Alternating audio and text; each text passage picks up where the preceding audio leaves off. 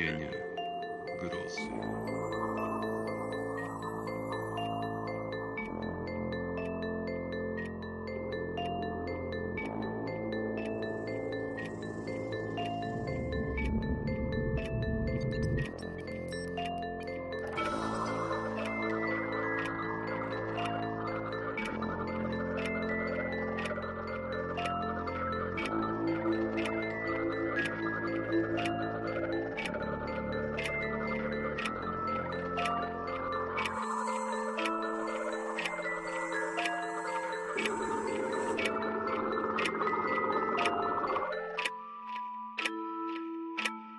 Mary E.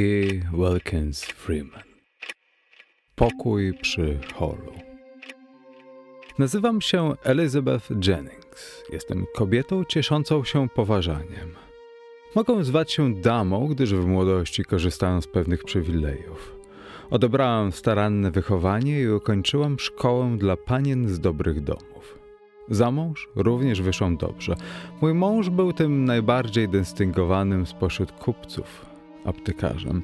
Jego apteka mieściła się na rogu głównej ulicy w Rockton, mieście, gdzie się urodziłam i gdzie mieszkałam do śmierci męża. Rodzice zmarli wkrótce po moim ślubie, więc gdy owdowiałam, zostałam w zasadzie całkiem sama na tym świecie. Nie posiadałam odpowiednich kwalifikacji, by na własną rękę prowadzić interesy pozostawione przez męża, gdyż nie wiem nic o lekach i śmiertelnie bałam się podania trucizny zamiast leczniczej mikstury. Dlatego byłam zmuszona sprzedać aptekę ze znaczną stratą, a pozyskane środki około 5 tysięcy dolarów były wszystkim, co mi pozostało. Odsetki od tej sumy nie były wystarczające, by zapewnić mi jakiekolwiek godne utrzymanie. Wiedziałam więc, że muszę w jakiś sposób zarabiać na siebie. Na początku myślałam o zawodzie nauczycielki, ale nie byłam już młodą, a metody nauczania zmieniły się od kiedy opuściłam szkołę. Nikt nie miał ochoty dowiedzieć się tego, czego potrafiłam nauczyć. Pozostała mi tylko jedna możliwość otwarcie pensjonatu. Jednak przy tym rodzaju działalności w Rockton pojawiła się ta sama trudność co przy nauczaniu. Nikt nie chciał wynająć pokoju. Mój mąż miał w dzierżawie dom z kilkoma sypialniami. Dałam ogłoszenie, ale nikt się nie zgłosił. W końcu moja gotówka zaczęła topnieć, a ja wpadłam w desperację. Spakowałam meble, wynajęłam duży dom w tym mieście i przeprowadziłam się tutaj. Przedsięwzięcie to było ryzykowne i to przynajmniej z dwóch powodów. Po pierwsze, czynsz był wygórowany, a po drugie, nikt mnie tu nie znał. Jednakowoż jestem osobą o niemałej pomysłowości, której nie brak inwencji ani przedsiębiorczości, gdy okoliczności tego wymagają. Dałam bardzo oryginalne w formie ogłoszenie, choć kosztowało mnie to ostatniego centa, to znaczy ostatniego centa z dostępnej w tym momencie gotówki i byłam zmuszona naruszyć swój kapitał, by dokonać pierwszych zakupów, czego uprzednio postanowiłam nigdy pod żadnym pozorem nie robić. To wielkie ryzyko, jednak się opłaciło, gdyż w ciągu dwóch dni od ukazania się w gazecie ogłoszenia pojawiło się u mnie kilka osób. Dwa tygodnie później mój pensjonat prowadził już regularną działalność, a ja odniosłam wielki sukces, który trwałby nadal, gdyby nie te tajemnicze i wywołujące zamęt w głowie wypadki, które tu zrelacjonuję. Teraz jestem zmuszona opuścić dom i wynająć inny. Niektórzy z mych dawnych lokatorów będą mi towarzyszyć, inni z bardzo nierozsądną nerwowością odmawiają, by uciec od wszelkich dalszych, choć zupełnie pośrednich powiązań z okropnymi i niesamowitymi zdarzeniami, o których chcę opowiedzieć. Dopiero okaże się, czy pech prześladujący mnie w tym domu powędruje za mną do innego i czy całe powodzenie, jakim cieszyłam się w życiu, zostanie na zawsze przyćmione przez tajemnicę pokoju przy holu. Zamiast relacjonować tę dziwną historię własnymi słowami, posłużę się dziennikiem pana George'a H. Whitcrofta. Przedstawię Państwu fragmenty rozpoczynające się 18 stycznia tego roku, dnia, gdy zamieszkał on u mnie. Oto one. 18 stycznia 1883 rok. Oto wprowadziłem się do nowego pensjonatu. Przypadł mi stosownie do mych skromnych środków pokój przy holu i w dodatku pokój przy holu na trzecim piętrze. Całe życie słyszałem o pokojach przy holu. Widywałem takie pokoje, bywałem w nich, ale nigdy aż do dziś, gdy w końcu zamieszkałem w jednym z nich, nie pojmowałem, jak haniebnym, a zarazem bezwzględnie bezkompromisowym miejscem jest pokój przy holu. Świadczy on o hańbie swego mieszkańca. Żaden 36-letni mężczyzna, tyle mam lat, nie zamieszkałby w pokoju przy holu, chyba że jest godzien pogardy, przynajmniej w jakimś sensie. Tym sposobem bezspornie udowodniłem, że zostałem daleko za innymi uczestnikami wyścigu. Nie widzę powodu, dla którego nie miałbym mieszkać w tym pokoju przy holu do końca życia, pod warunkiem oczywiście, że będę miał dość pieniędzy na opłacenie czynszu, a to wydaje się realne, bo me skromne fundusze ulokowane są tak bezpiecznie jak u tej sieroty świątynnej żebrzącej przy jednym z filarów przybytku. Jak to w tym przysłowiu, kiedy mi skradziono dobytek, jak najstaranniej zamknąłem drzwi stajni na klucz. Przeżyłem odmianę losu, która wcześniej czy później staje się udziałem śmiałych dusz, niedoświadczających niczego prócz porażki i tak zwanego pecha. Znalazłem się na przeciwległym biegunie. Przegrałem we wszystkim: w miłości, w pieniądzach, w walce o awans, w zdrowiu i sile. Zamieszkałem teraz w pokoju przy holu, by żyć z małych dochodów, jeśli to możliwe odzyskać zdrowie dzięki tutejszym łagodnym wodom mineralnym. Jeśli nie, by żyć tu mimo braku zdrowia, jako że moja choroba niekoniecznie zalicza się do śmiertelnych. Póki opatrzność nie zabierze mnie z mego pokoju przy holu. Nie ma żadnego miejsca, w którym pragnąłbym mieszkać bardziej niż w innych. Nie mam wystarczającego bodźca, by stąd wyjechać, nawet gdyby wody mineralne nie przyniosły mi pożytku. Zostanę więc tutaj w pokoju przy holu. Właścicielka pensjonatu jest uprzejma, a nawet życzliwa, tak życzliwa, jaką może być kobieta, która bezustannie musi mieć na swym biednym kobiecym oku zysk. Walka o pieniądze zawsze odbija się na subtelnej naturze kobiety. To istota zbyt delikatna, by się tym zajmować. Nie należy ona z usposobienia do poszukiwaczy złota, dlatego zajęcie to ją poniża. Stępuje ona z wysokości, by drapać, skrobać pazurami i grzebać się w ziemi. Niejednokrotnie jednak biedactwo nie może nic na to poradzić i należy jej wybaczyć związany z tym upadek. Moja gospodyni jest tak pełna zalet, jak to jest możliwe, biorąc pod uwagę wpływ niesprzyjających okoliczności, a kuchnia, muszę przyznać, jest bardzo dobra. Wygląda na to, że właścicielka jest na tyle nierozsądna, by starać się zapewnić lokatorom wyżywienie adekwatne do wnoszonych przez nich opłat, uwzględniając oczywiście własny zarobek. To jednak nie ma dla mnie większego znaczenia, gdyż moja dieta podlega dużym ograniczeniom. To osobliwe, jak bardzo mogą dokuczać ograniczenia w diecie nawet człowiekowi, który uważa się za nieco obojętnego wobec gastronomicznych rozkoszy. Dziś na obiad podano pudding, którego nie mogłem bezkarnie spróbować, ale bardzo chciałem to zrobić. Tylko dlatego, że wyglądał zupełnie inaczej niż wszystkie inne puddingi, jakie kiedykolwiek widziałem i nabrał dla mnie pewnego mentalnego i duchowego znaczenia. Zdawało mi się, co niewątpliwie było fanaberią, że skosztowanie go mogłoby być nowym doznaniem, dającym mi w konsekwencji nowe spojrzenie na świat. Rzeczy trywialne mogą prowadzić do wielkich rezultatów. Czemu nie miałbym pozyskać nowego punktu widzenia dzięki puddingowi?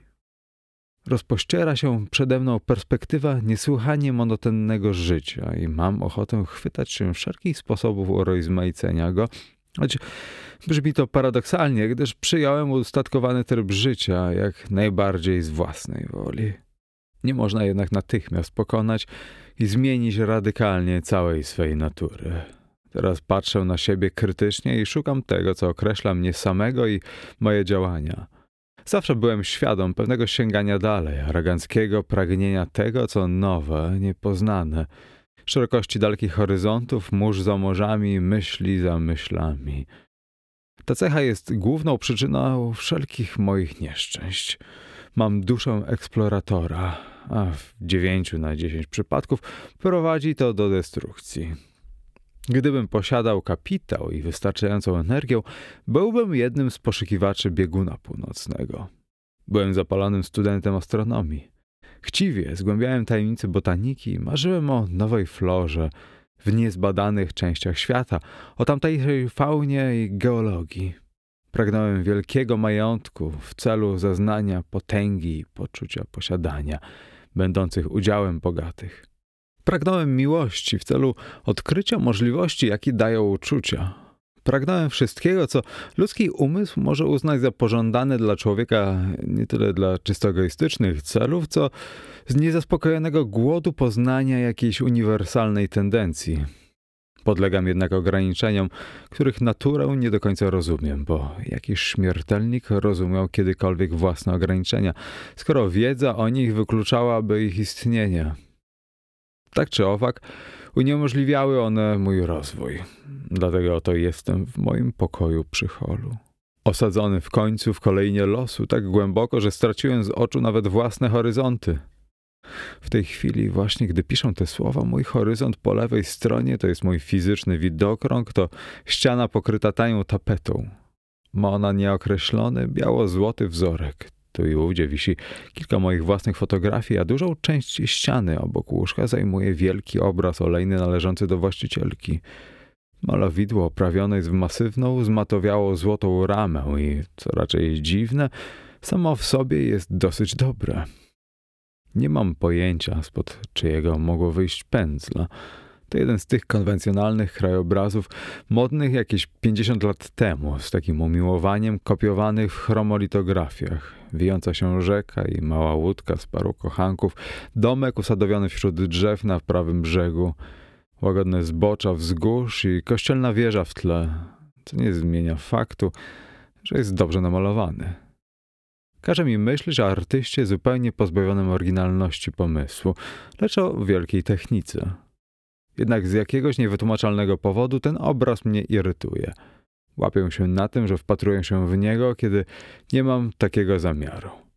On zdaje się przyciągać moją uwagę jak jakaś pełna skupienia twarz. Poproszę panią Jennings, by kazała go usunąć. Na jego miejsce powieszę jakieś fotografie, które mam w kufrze. 26 stycznia. Nie prowadzę dziennika regularnie. Nigdy tego nie robiłem. Nie widzę powodu, dla którego powinienem to robić. Nie widzę powodu, dla którego ktokolwiek powinien by mieć najmniejsze poczucie obowiązku w takiej kwestii. W niektóre dni nie zdarza się nic, co interesowałoby mnie wystarczająco, bym o tym napisał. W inne dni czuję się zbyt chory lub zbyt leniwy.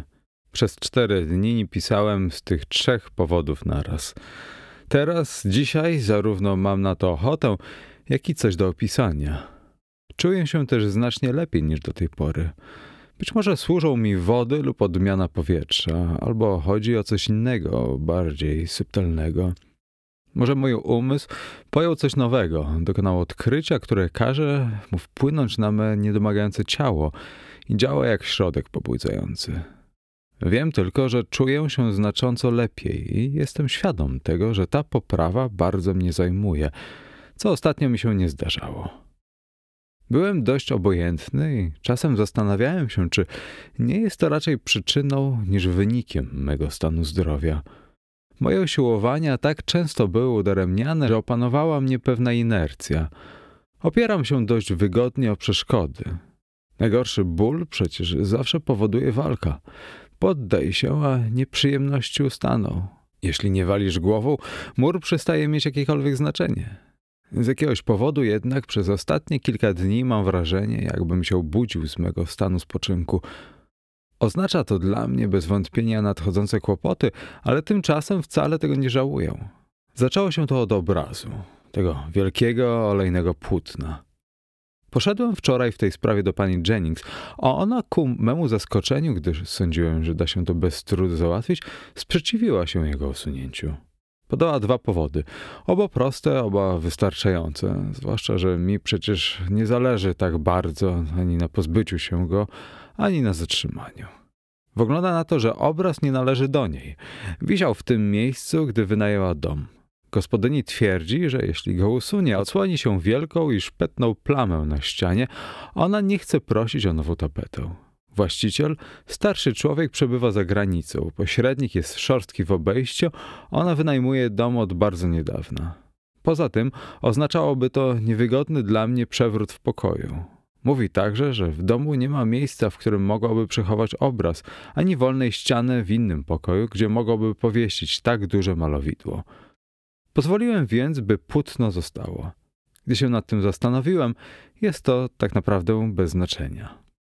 Wyjąłem jednak z kufra fotografię i rozwiesiłem je wokół obrazu. Ściana jest teraz niemal całkiem zakryta. Powiesiłem je wczoraj po południu, a tej nocy przeżyłem ponownie pewne dziwne doświadczenie, które w niejakim stopniu ma miejsce każdej nocy, od kiedy tu jestem. Nie byłem jednak przekonany, czy zasługuje ono na miano doświadczenia, czy też jest to raczej jednym z tych snów, w którym człowiek śni, że nie śpi. Ale tej nocy powtórzyło się znowu i teraz już wiem. Ten pokój ma w sobie coś niezwykle szczególnego. Bardzo mnie to interesuje.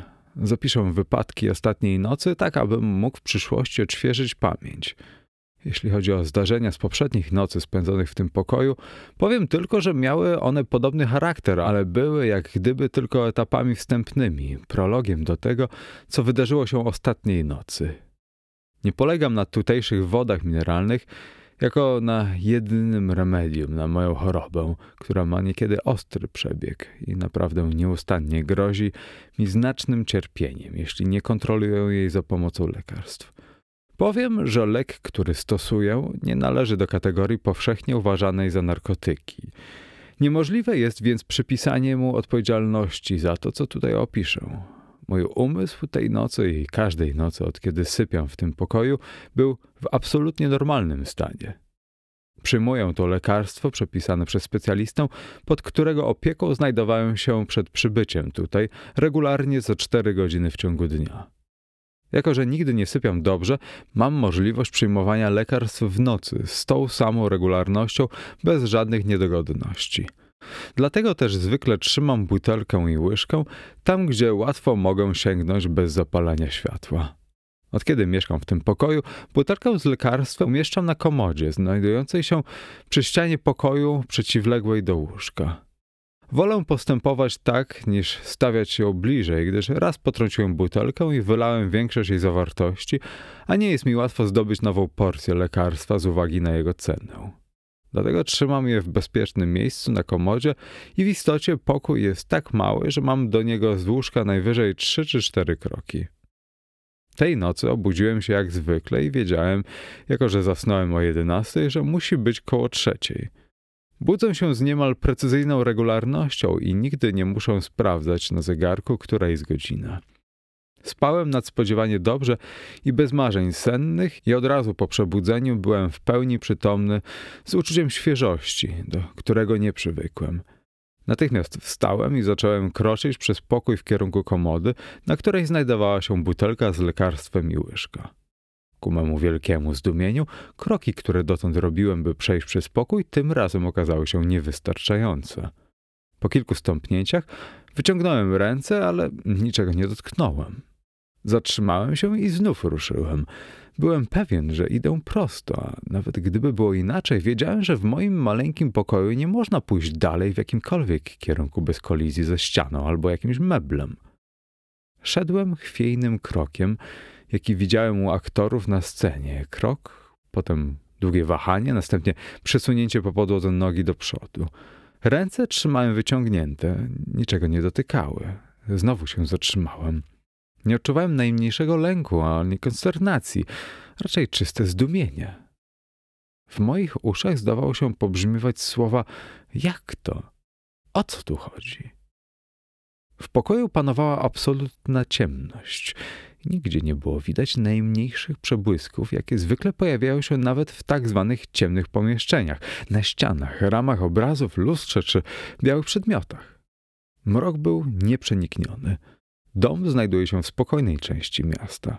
Dokoła rośnie wiele drzew, elektryczne lampy na ulicy zgaszono o północy. Księżyc był w nowiu, a niebo zachmurzone. Nie widziałem zarysów własnego okna, co uznałem za dziwne nawet w tak ciemną noc. W końcu zmieniłem swój plan poruszania się i skręciłem pod kątem prostym, na ile tylko byłem w stanie to oszacować. Teraz pomyślałem, jeśli pójdę dalej, muszę zaraz dotrzeć do biurka pod oknem, albo jeśli pójdę w przeciwnym kierunku, do drzwi prowadzących do holu. Nie znalazłem się ani tu, ani tam. Opowiadam szczerą prawdę, gdy mówię, że w tym momencie zacząłem liczyć kroki, dokładnie je odmierzać, po czym przeszedłem nie napotykając na meble. Przynajmniej 20 na 30 stóp. Bardzo duży apartament. I gdy szedłem, byłem świadom tego, że moje bose nogi stąpają po czymś, czego dotyk był nowym, nieznanym mi doświadczeniem. Najbliższy prawdy opis, na jakim nie stać, tak by moje nogi stąpały po czymś tak rozciągliwym jak powietrze czy woda, co w tym wypadku nie ustępowało pod moim ciężarem. Dawało mi to dziwne wrażenie otrzymywania się na powierzchni wody i pobudzenia. Jednocześnie powierzchnia ta, o ile powierzchnia to odpowiednie słowo, po której kroczyłem, dawała mym stopom odczucie chłodu, jakie daje para lub płyn, zdając się oblewać podeszwy. Nareszcie stanąłem w miejscu. Moje zaskoczenie w końcu przerodziło się w konsternację. Gdzie ja jestem? Pomyślałem, co ja teraz zrobię? Przemknęły mi przez głowę zasłyszane niegdyś historie o podróżnikach wyciąganych z łóżka i zabieranych w dziwne i niebezpieczne miejsca, średniowieczne opowieści o inkwizycji. Cały czas wiedziałem, że dla człowieka, który poszedł spać w najzwyklejszym pokoju przy holu, w jeszcze bardziej zwykłym miasteczku, takie domysły są co najmniej śmieszne. Trudno jest jednak ludzkiemu umysłowi pojąć cokolwiek poza ludzkim wytłumaczeniem zjawisk. Niemal wszystko zdawało się wówczas i zdaje teraz bardziej racjonalne od wyjaśnienia graniczącego z tym, co nadprzyrodzone, tak jak rozumiemy to, co nadprzyrodzone. W końcu zawołałem, choć dosyć cicho. Co to znaczy? Potem powiedziałem całkiem głośno: Gdzie ja jestem? Kto tu jest? Kto to robi? Powiadam, że nie ścierpię takich bzdur. Jeśli ktoś tu jest, niech przemówi. Panowała jednak grobowa cisza. Nagle w okienku nad drzwiami zabłysło światło. Ktoś mnie usłyszał. Mężczyzna mieszkający za ścianą, porządny człowiek, przebywający tutaj również dla zdrowia. Zapalił on gaz w korytarzu i zawołał do mnie. O co chodzi? Pytał poruszonym, drżącym głosem. Nerwowy z niego jegomość. Od razu, gdy nad drzwiami rozbłysło światło, zobaczyłem, że jestem w swoim znajomym pokoju przy holu. Wszystko widziałem całkiem wyraźnie. Moje łóżko ze zburzoną pościelą, biurko, komodę, krzesło, małą umywalkę, ubrania wiszące na szeregu kołków, stary obraz na ścianie. Ten obraz lśnił w poświacie z nad drzwi, szczególnie wyraziście. Woda w rzece zdawała się rzeczywiście płynąć i pluskać, a łódź poruszać się z prądem. Wpatrywałem się w płótno zafascynowany. Odpowiadając zaniepokojemu głosowi, nic mi nie jest. Czemu pan pyta?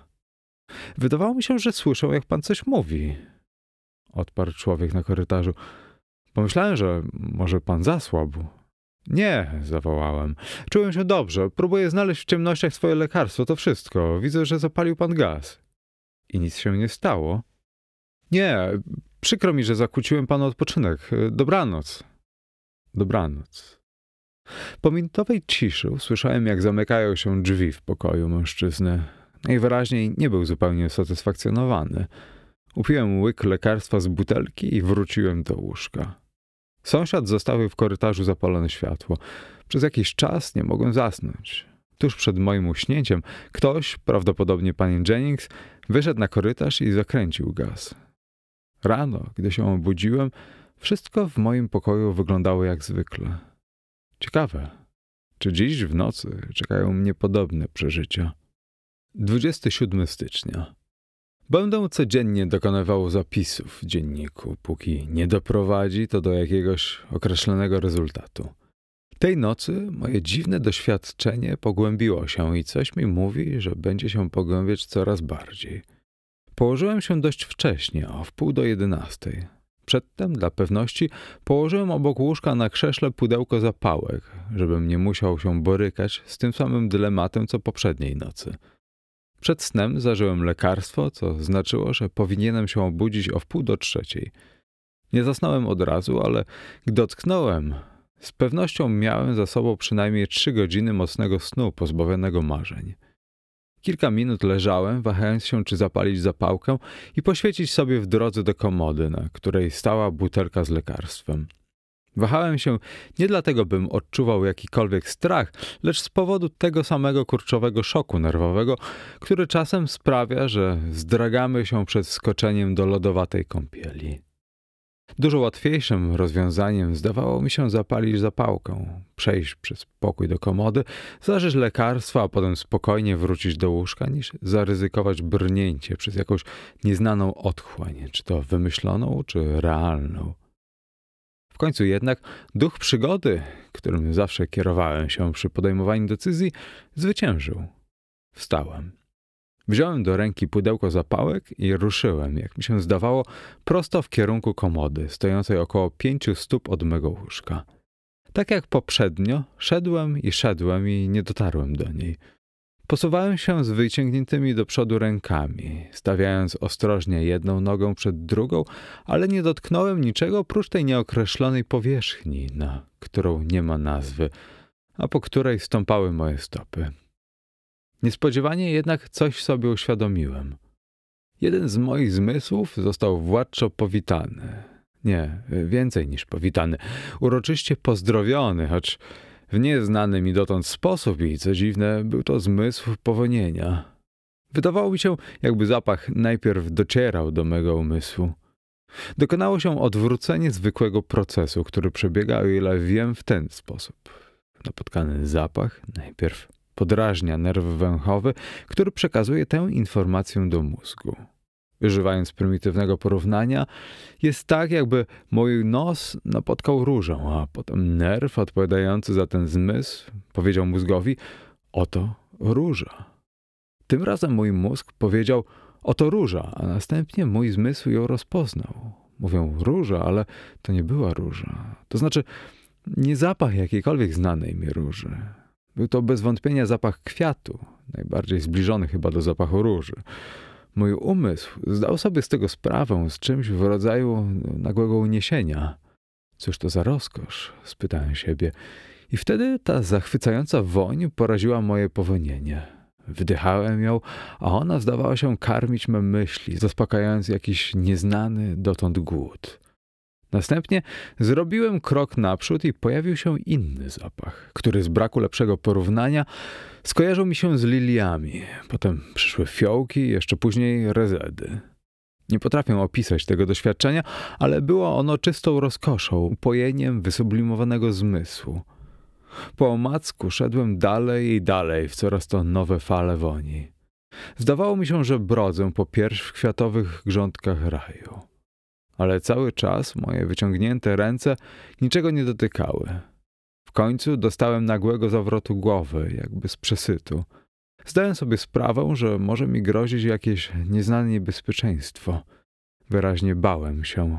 Zapaliłem jedną z zapałek. Byłem w swoim pokoju przy holu, w połowie drogi między łóżkiem a komodą. Zażyłem lekarstwo, wróciłem do łóżka. Po chwili zasnąłem i nie budziłem się aż do rana.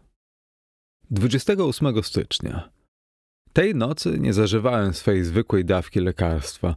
W tych czasach nowych remediów i ich tajemniczego wpływu na niektóre organizmy przyszła mi do głowy wątpliwość, czy lek ten nie ma aby jednak swego udziału w moim dziwnym doświadczeniu. Nie zażyłem leku. Postawiłem butelkę jak zwykle na komodzie, gdyż lękałem się, że jeśli jeszcze bardziej zakłócą ustalony łańcuch zdarzeń, mogę się w nocy nie obudzić. Na krześle obok łóżka położyłem pudełko zapałek. Zasnąłem koło kwadransa po jedenastej i ocknąłem się, gdy zegar wybijał drugą. Trochę wcześniej niż zazwyczaj. Tym razem się nie wahałem. Natychmiast wstałem, wziąłem pudełko zapałek i postąpiłem tak jak poprzednio. Przeszedłem, zdawałoby się, wielką przestrzeń, bez kolizji z żadnym przedmiotem. Wciąż wciągnąłem powietrze nosem w oczekiwaniu na cudowne wonie poprzedniej nocy, ale to się nie pojawiły. Zamiast tego nagle uświadomiłem sobie, że coś smakuje. Jakiś kąsek nieznanej mi dotąd słodyczy i podobnie jak w przypadku zapachu, zwykły porządek zdawał się odwrócony. Było tak, jakbym najpierw odczuł smak w swej świadomości, a dopiero potem słodycz pojawiła się na mym języku. Mimowolnie przyszły mi na myśl smaki słodsze od miodu płynącego z plastra, z Pisma Świętego. Pomyślałem o starotestamentowej mannie. Ogarnęło mnie niewysłowione ukontentowanie, jakby po zaspokojeniu głodu. Zrobiłem krok dalej i na mym podniebieniu pojawił się nowy smak. I tak dalej. Smaki te nigdy nie wywołały we mnie przesytu, choć charakteryzowały się tak ostro słodyczą, że aż paliły mnie w język. Było to połączenie fizycznego zmysłu z duchowym. Mówiłem sobie, całe życie, aż do tej pory zawsze chodziłem głodny.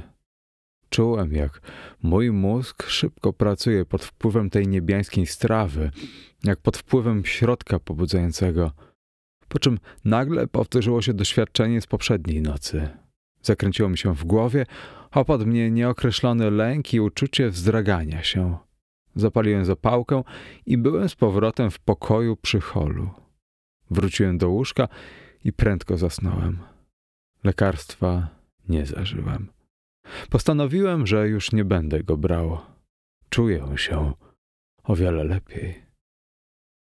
29 stycznia. Tej nocy położyłem się jak zwykle, zapałki na miejscu. Zasnąłem koło jedenastej, obudziłem się o wpół do drugiej. Usłyszałem bicie zegara. Co noc budzę się coraz wcześniej. Nie zażyłem lekarstwa, choć stało jak zwykle na komodzie. Znowu wziąłem do ręki pudełko zapałek, ruszyłem przez pokój i jak zawsze pokonałem dziwne przestrzenie, z tym, że tej nocy moje doświadczenie było znowu inne. Jak zdaje się to być nieuchronne każdej nocy. Tym razem nie czułem zapachu ani smaku, ale słyszałem, mój Boże, słyszałem. Pierwszy dźwięk, którego byłem świadom, przypominał stale narastający i słabnący szum rzeki, zdający się dochodzić ze ściany za łóżkiem, na której wisi stary obraz. Nic w przyrodzie, prócz rzeki, nie sprawia tego wrażenia jednoczesnego zbliżania się i oddalania. Nie mogłem się mylić. Nabrzmiewający szum fal nadchodził coraz bliżej i bliżej, a jednocześnie coraz bardziej cichł w oddali. Następnie ponad szmerem rzeki usłyszałem pieśń w nieznanym języku, który mimo to rozumiałem. Zrozumienie jednak było w moim mózgu, bez słów tłumaczenia. Pieśń ta mówiła o mnie, z tym, że o mnie w nieznanej przyszłości, co do której nie miałem dla porównania żadnych punktów odniesienia w przeszłości. Niemniej jednak całą mą świadomość wypełniło coś w rodzaju ekstazy, jakby z powodu jakiejś obiecującej rozkosz przepowiedni. Pieśń nie milkła, ale gdy ruszyłem dalej, napotkałem nowe fale dźwięku. Było tam melodyjne bicie dzwonów, które mogłyby być zrobione z kryształu i wzywać duszę do bram nieba. Była muzyka dziwnych instrumentów, wspaniałe harmonijne akordy, przerwane od czasu do czasu cichymi, jakby miłosnymi szeptami, a wszystko razem napełniało mnie pewnością co do szczęśliwej przyszłości.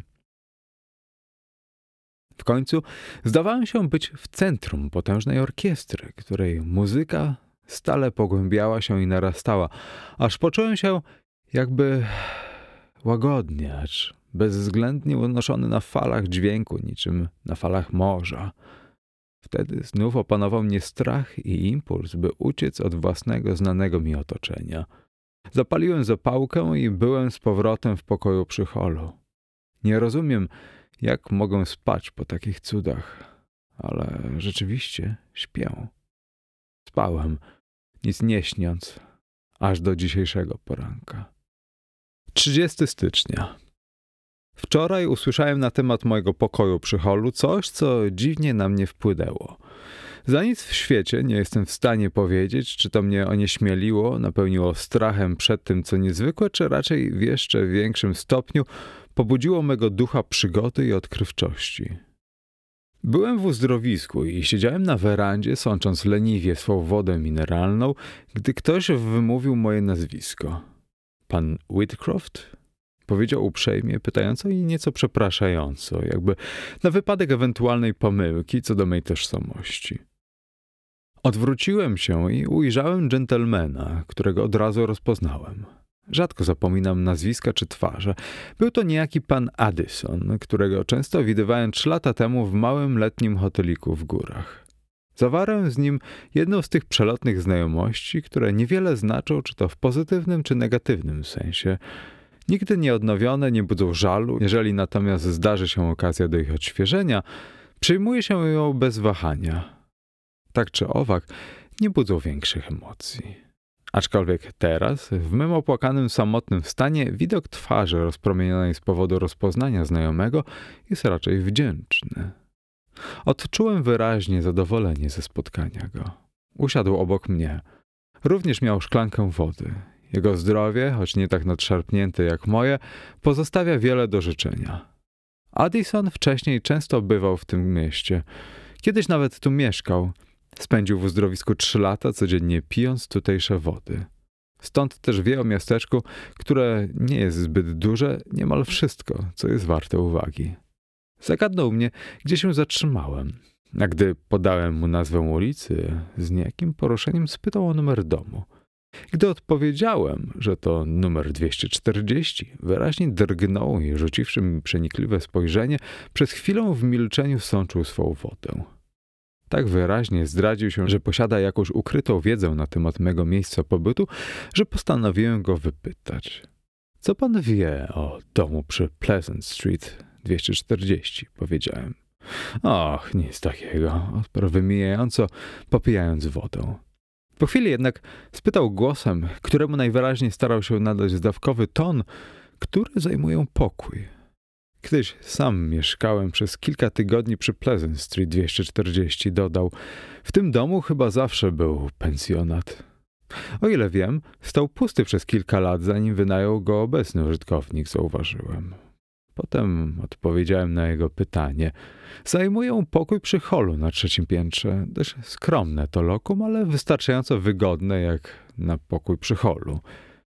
Pan Addison jednak był tak wyraźnie skonsternowany moją odpowiedzią, że zacząłem uparcie dochodzić przyczyny tego stanu, a on w końcu się poddał i podzielił ze mną swą wiedzą. Swe początkowe wahanie tłumaczył zarówno niechęcią do okazania czegoś, co mógłbym uznać za niemęskie przesądy, jak i tym, że nie chce wywierać na mnie wpływu idącego dalej niż pozwalały na to związane ze sprawą fakty. No dobrze, opowiem panu Whitcroft, powiedział.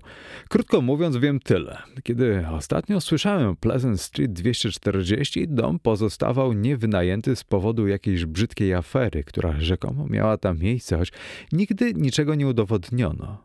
Doszło do dwóch zaginięć i w obu przypadkach chodziło o mieszkańca zajmowanego przez pana obecnie pokoju przy holu. Jako pierwsza zaginęła bardzo piękna dziewczyna, która przyjechała tu dla zdrowia i cierpiała podobno na głęboką melancholię, spowodowaną zawodem miłosnym. Zakwaterowała się w tym pensjonacie i zajmowała pokój przy holu przez jakieś dwa tygodnie, aż pewnego ranka znikła, jakby rozpłynęła się w powietrzu. Skontaktowano się z jej krewnymi, nie miała ich wielu, przyjaciół też nie. Biedna dziewczyna, Przeprowadzono dokładne poszukiwania, ale gdy ostatnio słyszałem o tej sprawie, wciąż uznawano ją za zaginioną. Zatrzymano dwie czy trzy osoby, ale nic z tych aresztowań nie wynikło. Cóż, to było zanim tu przyjechałem, ale drugie zaginięcie miało miejsce, gdy sam mieszkałem w tym domu. Zniknął świetny młody jegomość, cierpiący z przepracowania na uczelni. Sam musiał utrzymywać się na studiach. Przeziębił się, złapał grypę, a to w połączeniu z przepracowaniem omal go nie zabiło. Przyjechał tu na miesięczny odpoczynek i rekonwalescencję. Mieszkał w tym pokoju jakieś dwa tygodnie, może trochę krócej, gdy jednego ranka zniknął. Wtedy rozpętała się wielka wrzawa.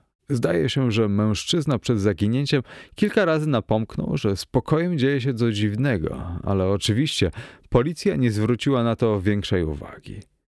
Dokonywano zatrzymań na prawo i lewo, ale go nie znaleziono, a aresztowani zostali zwolnieni, choć niektórzy z nich do dziś dnia prawdopodobnie żyją w cieniu podejrzenia. Wtedy pensjonat zamknięto Sześć lat temu nikt nie chciał tam wynająć pokoju, a już na pewno nie tego pokoju przy holu, ale teraz pewnie zjechali się nowi lokatorzy i historia ucichła. Pańska gospodyni z pewnością mi nie podziękuje za jej odgrzebanie. Zapewniłem go, że dla mnie nie robi to najmniejszej różnicy. Spojrzał na mnie bystro i spytał bez ogródek, czy zauważyłem, by z tym pokojem było coś nie tak. Uciekając się do wybiegu, by nie skłamać, odparłem, że nie widziałem w tym pokoju nic choć odrobinę niezwykłego. Co jest prawdą, bo rzeczywiście jak na razie nic tam nie widziałem. Czuję jednak, że w odpowiednim czasie coś zobaczę. Bo tej nocy nie widziałem ani nie słyszałem. Nie czułem zapachu ni smaku, tylko dotykałem. Tej nocy, ponownie rozpocząwszy eksplorację, Bóg jeden wie czego, ledwo zrobiłem krok, a już czegoś dotknąłem. Moim pierwszym wrażeniem było rozczarowanie. To komoda, a tamto się już skończyło, pomyślałem. Wkrótce jednak odkryłem, że dotykam nie tę starą, pomalowaną komodą, lecz coś, o ile mogą się zorientować za pomocą niewprawnych koniuszków palców, ozdobionego figurkami z wyrzeźbionymi skrzydłami. To były z pewnością długie, ostre zarysy skrzydeł, które zdawały się pokrywać arabeską z przeplatających się drobnych liści i kwiatów. Nie wiem, jakiego przedmiotu dotykałem. Mógł to być kufer. Może się zdawać, że przesadzam, gdy mówię, że w jakiś tajemniczy sposób w pewnym sensie nie przypominał kształtem niczego, czego kiedykolwiek dotykałem. Nie wiem, z jakiego materiału go zrobiono. Był gładki jak kość słoniowa, ale różnił się od niej w dotyku. Miał w sobie szczególne ciepło, jakby długo stał w gorącym słońcu. Ruszyłem dalej i napotknąłem inne przedmioty. Jak jestem skłonny sądzić, meble o nieznanych mi stylach, a może nawet zastosowaniach. Kształty wszystkich okryte były dziwną tajemnicą. W końcu podszedłem do czegoś, co musiało być dużym, otwartym oknem. Wyraźnie poczułem na twarzy powiew łagodnego, ciepłego wiatru, choć o kryształowej świeżości. To nie było okno mego pokoju, tyle wiem. Wyglądając przez nie, nic nie widziałem. Czułem jedynie wiatr na twarzy. Potem nagle, bez żadnego ostrzeżenia, moje wyciągnięte ręce napotkały na prawo i lewo żywe istoty, istoty przypominające mężczyzn i kobiety. Namacalne stworzenia w namacalnym odzieniu. Czułem jedwabistą gładkość ich ubrań, które ocierały się o mnie, zdając się jakby owijać me ciało przelegającą siecią niczym pajęczyną. Stałem w tłumie tych ludzi, czymkolwiek i kimkolwiek byli, ale co dziwne, nie widząc nikogo, miałem dziwne uczucie rozpoznawania ich, gdy pośród nich przechodziłem. Od czasu do czasu jakaś znana mi dłoń lekko ścisnęła moją, raz objęło mnie jakieś ramię. W końcu zacząłem czuć się łagodnie niesiony i popychany przez ten miękko poruszający się tłum. Ich unoszące się ubrania zdawały się już zupełnie owijać mnie całego i znowu opanował mnie nagły strach. Zapaliłem zapałkę i znalazłem się z powrotem w moim pokoju. Zastanawiałem się, czy by nie zostawić dzisiejszej nocy zapalonego światła. Ciekawe, czy możliwe jest, że sprawy zaszły za daleko. Ciekawe, co stało się z tamtymi ludźmi, tym mężczyzną i kobietą, którzy zajmowali ten pokój. Może lepiej trzymać się tu, gdzie jestem i nie posuwać się dalej? 31 stycznia. Tej nocy widziałem. Widziałem więcej niż potrafię opisać, więcej niż godzi się opisywać. Coś, co natura słusznie skrywa, zostało mi ujawnione, ale nie do mnie należy zdradzanie zbyt wielu jej sekretów. Powiem tylko tyle, że te drzwi i okna wychodzą na przestrzenie, do których ta przestrzeń, którą znamy, jest zaledwie przedsionkiem. Jest tam rzeka.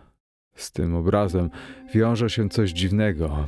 Jest rzeka, którą można odpłynąć. Płynęła bezgłośnie, gdyż tej nocy mogłem tylko patrzeć. Zobaczyłem, że miałem słuszność, rozpoznając niektóre z osób napotkanych poprzedniej nocy, choć inne są mi nieznane. To prawda, że dziewczyna, która zniknęła z pokoju, była bardzo piękna. Wszystko, co tej nocy widziałem, oceniłem jako bardzo piękne przy pomocy jedynego zmysłu, jakim mogłem się posłużyć. Ciekawe, jakie to wszystko by było, gdybym mógł to objąć wszystkimi zmysłami jednocześnie. A może lepiej tej nocy nie gasić światła, a może by. Na tym kończy się dziennik pozostawiony przez pana Whitcrofta w pokoju przy holu. Rankiem następnego dnia po dacie ostatniego zapisu jego samego już nie było. Znajomy pensjonariusza, pan Addison, przybył tu i rozpoczęto poszukiwania. Zburzono nawet ścianę, na której wisiał obraz i odkryto coś dosyć dziwnego, jak na dom wynajmowany lokatorom, gdzie można by pomyśleć, żadne pomieszczenie nie powinno stać puste. Odkryto inny pokój, długi i wąski, długości pokoju przy holu, z tym, że węższy, niewiele szerszy od garderoby. Nie miał okna ani drzwi, a jedyne, co się w nim znajdowało, to kartka papieru pokryta cyframi, jakby ktoś dokonywał na niej jakichś obliczeń. Dużo mówiono o tych rachunkach i sugerowano, że udowadniają one istnienie piątego wymiaru. Cokolwiek to jest, ale później stwierdzono, że nie udowadniają one niczego.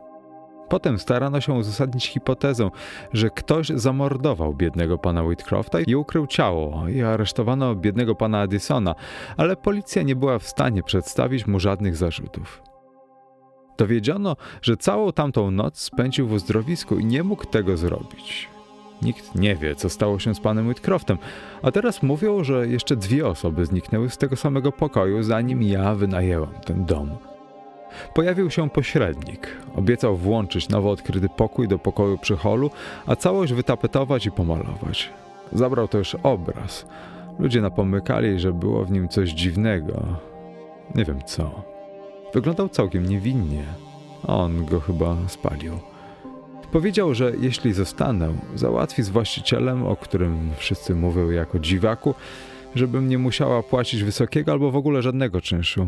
Odparłam jednak, że nie mogłabym tu zostać, nawet jeśli to on miałby mi płacić. Że sama niczego się nie boję, choć muszę przyznać, że nie chciałabym wynajmować tego pokoju przy korytarzu nikomu, nie informując go o całej sprawie. Moi lokatorzy jednak by mnie opuścili, a wiem, że nie udałoby mi się znaleźć nowych. Powiedziałam mu, że wolałabym już mieć tutaj normalnego ducha niż coś, co wygląda na sposób na wyjście z domu donikąd bez możliwości powrotu. Przeprowadziłam się i jak już nadmieniłam, dopiero przekonam się, czy mój pech powędruje za mną do nowego domu. W każdym razie tutaj nie ma pokoju przy holu. Tłumaczyła Katarzyna Bogiel. Muzyka Błażej Lindner Jacek Brzezowski czytał Jacek Brzezowski. Cześć, tu Jacek Brzezowski, a to był kolejny odcinek audycji Tchnienie Grozy. Tchnienie Grozy nagrywam już ponad 10 lat i włożyłem w ten projekt masę swojego czasu oraz pieniędzy. Jeżeli chciałbyś wesprzeć tę audycję finansowo, co pozwoli na upgrade sprzętu, opłaty serwerów, wejdź na www.patronite.pl przez Tchnienie Grozy. Audycja była i zawsze będzie za darmo, ale każde wsparcie jest naprawdę miło widziane. Cześć, tu Jacek. Jeśli spodobało Ci się Tchnienie Grozy i lubisz historię oraz gry fabularne, a może chcesz się nimi zainteresować, to zapraszam Ciebie na swój drugi podcast 6, 10, 12. Pisane osobno cyframi jako 6, odstęp 10, odstęp 12 do znalezienia na YouTube oraz Spotify, a także innych platformach. Zapraszam serdecznie do słuchania.